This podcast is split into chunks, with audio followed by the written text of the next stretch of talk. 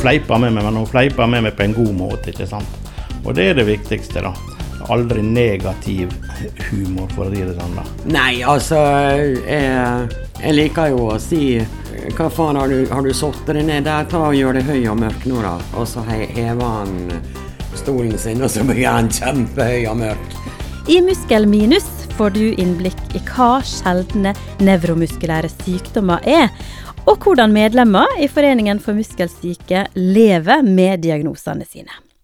Podkasten heter Muskelminus fordi musklene påvirkes og svekkes. Det er et minus. Men podkasten er et pluss. Programledere er Gunhild Aksnes Kristiansen og Tone Torp. Jeg er jo ikke muskelsyk, og jeg blir dønn imponert, Tone, når jeg møter sånne mennesker som deg, som er muskelsyk, og som er, ja, kan man si, lenka til rullestolen. Nei, egentlig ikke. Jeg bruker jo en rullestol nettopp for å kunne oppleve større aktivitet i mitt liv. Og, og det med å være lenka til føles litt sånn Oi, så synd det var. Men for meg, og mange med meg, så er jo rullestolen et hjelpemiddel for økt aktivitet. Og, og atskillig større livskvalitet. Så, så, så for min del er det egentlig Jeg føler meg jo akkurat som det når jeg bruker rullestolen min. Fantastisk. Og vet du, i dag i denne episoden skal vi møte en annen mann, Børre, som altså er utrolig positiv, og som bruker helt konkret humor som et fantastisk hjelpemiddel for å få masse kvalitet i hverdagen. Så Børre skal vi bli kjent med seinere. Men du og Tone virker jo som du generelt er et menneske med godt humør. Er det et personlighetstrekk, eller er et valg? Jeg tror noen ganger det er et personlighetstrekk, men jeg tror også det er et valg. Jeg tror jeg opplever at veldig mange som jeg kjenner i foreningen, er veldig positive etter å ha gjennomgått på en måte bøyger, og det kommer stadig nye bøyger man må over. Men, men jeg opplever at veldig mange har et, et godt humør og er positive og, og ønsker å få mest mulig ut av livet sitt. Dagens eh, hovedperson, Børre, han er inne i denne her eh, muskelsykdomsgruppa som heter muskeldystrofier. Og slike grupperinger er det flere av. I dag skal vi prøve å forstå litt mer om hva det egentlig er, og til det har vi god hjelp fra Geir. Geir Hevnkjell Ringvold jobber med informasjonsformidling ved Nevromuskulært kompetansesenter i Tromsø.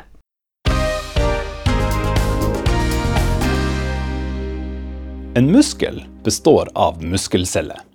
I skjelettmuskulatur, som er det vi bruker for å bevege på oss, er her cellene lang, tynn og bunta i hop. Litt som du kan se for deg et fuglenek. Det ei sånn muskelcelle gjør aller best, er å trekke seg sammen. Hjernen sender en bestilling om bevegelse, og muskelcellene adlyder ved å trekke seg sammen. Men hos en med muskeldystrofi er det ikke sikkert at hjernen får det sånn som den vil bestandig. La oss si at muskelen er en bil. En vanlig bil er sammensatt av rundt 30 000 store og små deler. Alt må ikke fungere 100% hele tida, men jo mer som er i orden, jo bedre blir kjøreopplevelsen. Men hva skjer hvis f.eks. bilen din har Duchennes muskeldystrofi? Støtdemperne er helt borte. Overført til cellen er det et protein som heter dystrofin som mangler.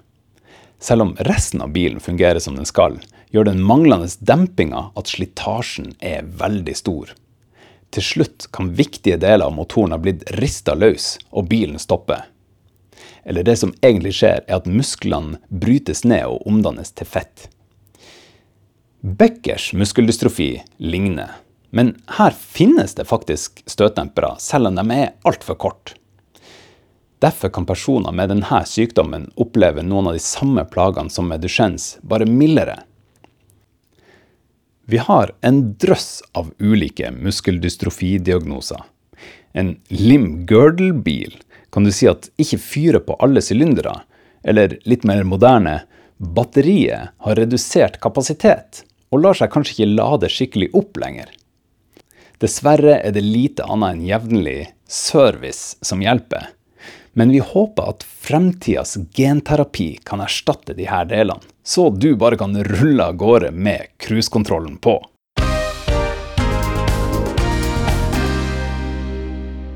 I Muskel minus er vi kjempeopptatt av å gi gode råd til en god hverdag. Og til å hjelpe oss med det, har vi også Simen og Daniel, som er tiktokere og er eksperter på å gi gode life hacks. Life hack nummer én. Jeg pleier å bruke løfte armene enklere, og da bruker jeg å ta fingeren i munnviken. Liksom, ja, i munnviken, da. Og det gjør at, at jeg klarer å holde meg fast. Og da bruker jeg andre muskler enn musklene i armen til å løfte den opp. Og det er mye enklere, syns jeg. Selv om det kan se veldig rart ut. Børre Longva i Ålesund har limgirdle, og det er jo en av muskeldystrofiene som finnes. Det er det samme som du har, Tone, eh, så da kan vi jo gå rett til ekspertisen med en gang. Hvordan vil du si at limgirdle utarter seg? Eh, limgirdle starter i de store muskelgruppene som er i hofter og skuldre, og så svekkes det der, og så kryper det utover i, i mange muskler, og de kan eh, Du kan merke det på pust, sånn som jeg gjør nå. Så følges det opp med hjertet. Eh, og så er det liksom fysioterapi og, og kanskje en psykolog har jeg brukt innimellom. Eh, og så er det nevrolog og spesialister, gjerne på, i, på sykehusnivå. Ofte så kjenner ikke fastlegene våre diagnoser fordi de er så sjeldne. Og det er det dilemmaet vi har, vi som har sjeldne sykdommer. Vi vil så gjerne bli forstått, og så er, det kanskje, så er en kanskje den eneste i kommunen som har den sykdommen. Og da er det umulig for de som er rundt oss, å kjenne til det. Så jeg tenker at noe av vår oppgave er å rett og slett øve oss på å fortelle hva er det min sykdom gjør, og hvordan kan dere bli kjent med oss som har den sykdommen. Og da har du gjort det. Men jeg vet jo hvor mange som har limgirdle i Norge, cirka. Eh, vi vet ikke helt sikkert, men kanskje rundt 500-600? Ja. Og en av disse er altså Børre i Ålesund. Og hans store styrke, det er et lett sinn og store doser humor. Han har tette bånd til det som heter Teaterfabrikken i Ålesund, der han blant annet har vært dørvakt, og han opplever da å bli tulla mye med av noen av byens største humorister. Så bli med meg til vakre Ålesund, der Børre eh, har henta meg hjem til seg. Kan det være her? Ja da. kan det være. Her har du mange rullestoler. Tusen takk for at jeg får komme til deg i Ålesund. Altså Børre. Litt seinere, vi kan si det med en gang, så får vi besøk av eh, en av Ålesunds eh, humorprofiler. Synnøve Hatlen. Eh, fordi humor har en stor plass i, i, livet ditt. Så dette skal vi snakke masse om, og det kommer vi tilbake til. Men først så må vi bare Altså, her i hjertet av Ålesund bor du, og her hadde du det veldig greit, da? Tilpassa livet i rullestol? Ja, Noenlunde så går det bra. Bor i ei blokk, en såkalt omsorgsbolig. Og har heis og parkering til bilen i garasje. Og bor da rett ved Sundet, så det er Ålesundet. Ja. Så jeg triller mye rundt i byen og koser meg slik, da.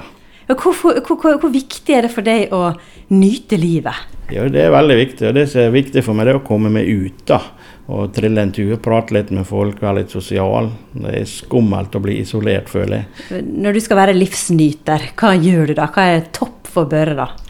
Nei, Det kan være å ta seg en tur på Atlanterhavsparken og spise potetstappe med steinbitkake eller fiskekake til. Og, og trille litt rundt der og kikke. Det er veldig kjekt. da. Eller en tur på kaia og kjøpe seg noe godt å spise der, eller på torget. Det er viktig å se fremover. da. Vi har jo alle våre tunge stunder og sånne ting. da. Men det å komme seg ut og kjenne at det trykket letter. Eh, hvis det er dager der det har vært mye styggevær eller mye snø og sånne ting, han ikke kommer seg rundt, da blir det litt tyngre. Men det å trille seg en tur uansett, eh, hvis du er litt eh, hva skal jeg, nedenfor, hvis man skal kalle det det, da, så treffer du folk, og så prater du, og så smiler du litt, og så eh, blir det en liten sånn eh, en tur, kan du si. Så kommer du inn igjen, og da er livet mye lettere. Ja. Søstera di har jo samme muskelsykdom som du. Hvordan er det å ha en storesøster som har på en måte tråkka spora foran deg? Jo, det er på mange måter positivt, men samtidig så er det også tungt å se av og til. For hun er jo eldst og er yngst i familien, så hun er jo kommet lenger i såkalt progresjon. da. Så hun klarer ikke å st- stå på beina i det hele tatt, og må bruke heis for å forflytte seg og sånne ting. Og de komplikasjonene som kan du si oppstår, da. Så det må en bli forberedt på. da. Men det var ei klok ung dame fra Østlandet som sa det at eh, vi må alle gå vår sti, da. Og det er litt sånn for meg også, da, at eh, vi er, har samme diagnose, og vi er, men jeg er gutt og hun er dame. og Ting er ulikt, og progresjon kan være ulik, og ting som vi har problemer med, kan også være ulikt. da. Men eh, uansett så er hun et stort forbilde, da, og hun er jo aldri sur eller aldri nedenfor. Og alltid motiverende i forhold til hvis ting dukker opp. da.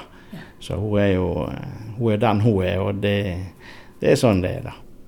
Ja, er det, hva er em, prognosen, går det an å spørre om det? Altså, hva er det du har foran deg nå den nærmeste eh, tida og langt fram?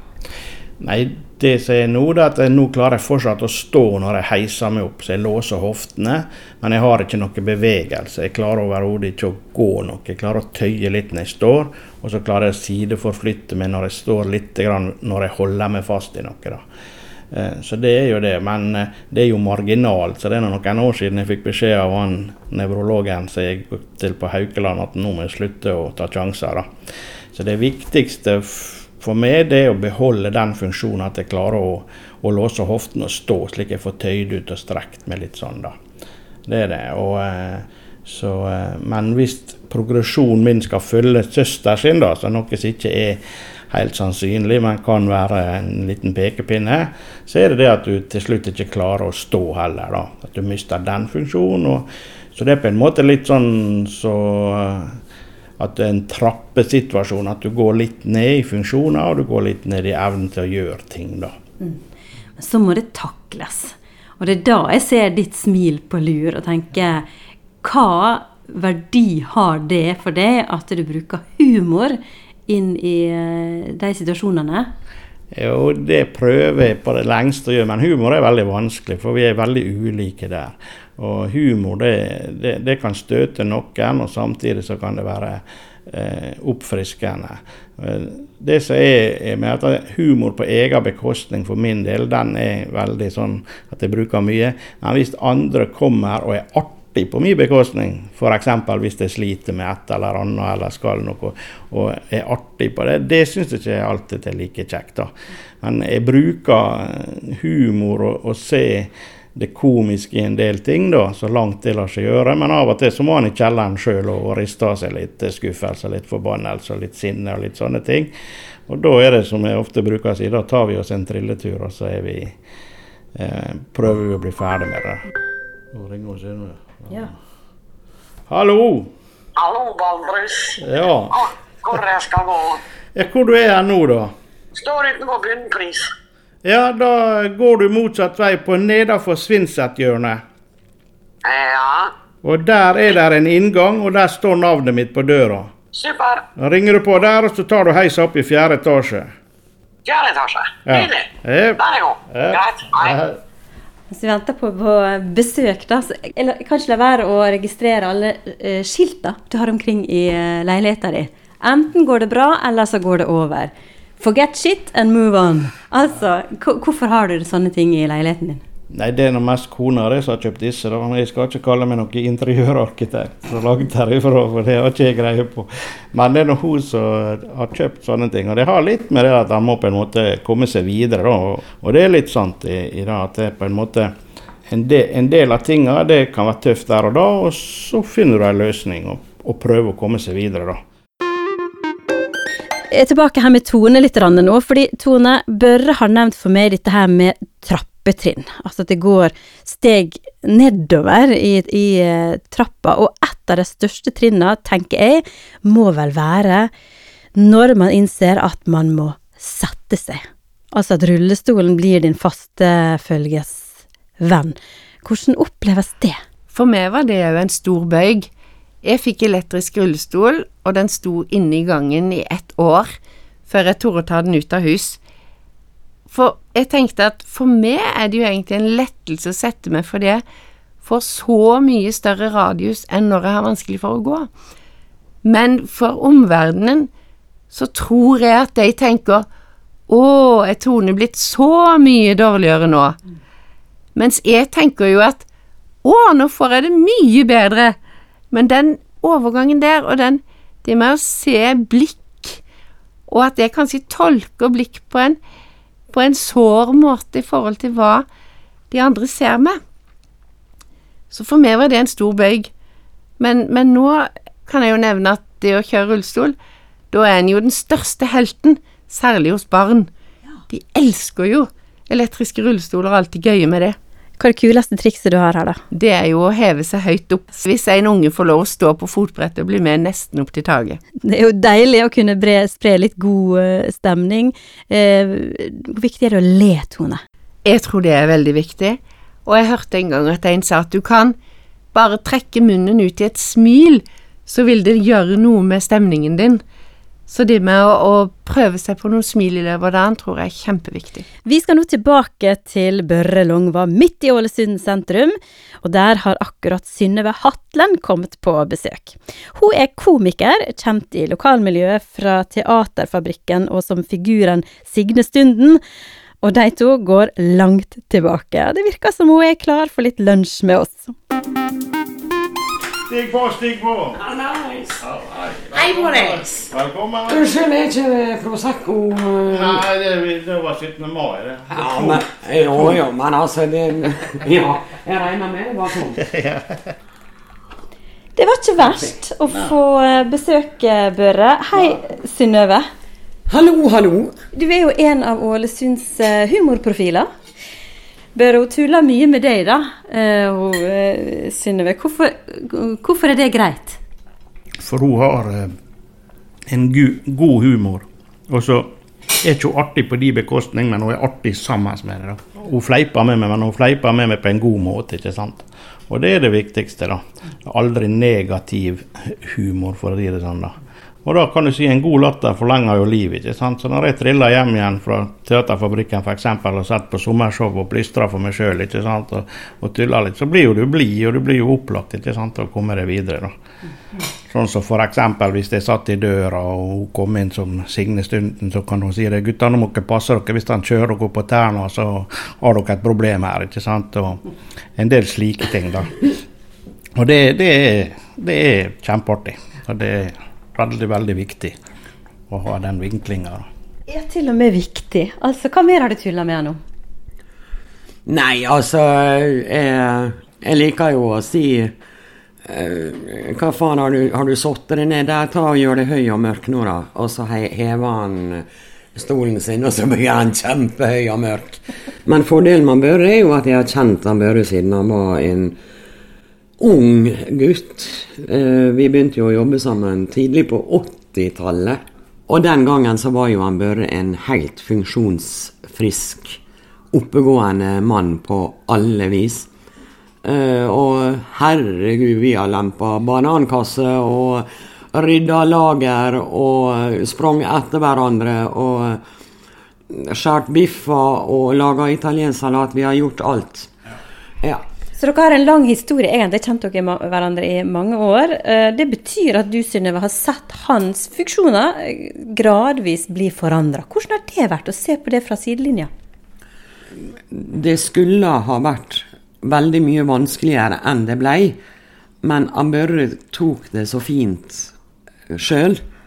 Og at det blei på en måte bare en naturlig Allerede da så visste jo vi at du hadde sykdommen i det. Eh, og vi visste jo at dette går én vei. Men fordi at han Børre sjøl aksepterte sin situasjon og, og nå snakker jeg bare sånn som det var utad, for jeg vet jo ikke helt hvordan du hadde det inni det og med deg sjøl. Men utad så bare konstaterte du at sånn er det. Eh, nå klarer jeg å gå litt med krykker. nå klarer jeg ikke det lenger. Nå må jeg avhengig av rullestol. Men det er klart at det er jo, det er jo vanskelig å se, for du var jo, du var jo en ung gutt når dette her eh, skjedde. Og det er klart at han får jo en sånn tanke at stakkars Børre, nå skal han sitte i rullestol. Ehm, vil han finne noen som eh, vil dele livet sitt med han? Altså, det er jo sånne tanker du, du har, da. Men det er jo klart at det, i, i enkelte situasjoner, sånn som Synnøve sier det, så når jeg var ung, så fikk jeg beskjed om at jeg kom til å sitte i rullestol når jeg var 20 år. Men heldigvis, det skjedde jo ikke. Jeg begynte å bruke først når jeg var 30 år rullestolen. ikke sant? Eh, Så, så progresjonen gikk egentlig saktere enn jeg var forspeila den perioden der, da. Men hvordan er det for deg å høre at du og dokka humor har vært en sånn go-to for han i vanskelige situasjoner? Det gjør at jeg forstår at jeg, jeg gjør det eh, Gjør mye riktig. Og jeg elsker jo f.eks. når han eh, Når han bare satt i døra. Og da er det sånn at eh, Ja, og det bare sier jeg at kødder dere med han der? Han ser ganske nedseggen ut der han sitter nå, men kom igjen, Børre. Og så heiser han seg opp, og så sier ser dere han skaller til dere hvis ikke dere Ja. Så det, Ja, for hvor høy er du når du er på ditt høyeste? Når jeg står, så er jeg 1,58. Når jeg heiser meg opp, så er jeg vel 80. 1,80. Men det er jo det som mange ble, ble spilt på, kan du si, da, på når jeg satt og tok billetter av døra og sånn. Det var noe humoren da, ikke sant. Og så er de som er litt sånn eh, tøffe og pjaskete, kan du si, da, i mine øyne, som kanskje fremhever seg sjøl, da, så må han på en måte sette dem litt på plass, da. Jeg tenker på, det er ikke alle som kanskje hører på dette her, som er så glad alltid. Og som egentlig har lett for å synke litt ned i gjørma. Det er ikke så rart når man har utfordringer i livet. Men kan man lære seg humor og det å se lyst på livet? Jeg, jeg vet ikke det. Jeg tror at noen har det, og andre har det kanskje ikke. Men så tror jeg det er situasjoner han kommer i, i livet som gjør at du får et litt annet syn på ting. Hva som er viktig, hva en skal fokusere på. Altså, hva slags kamper skal du ta?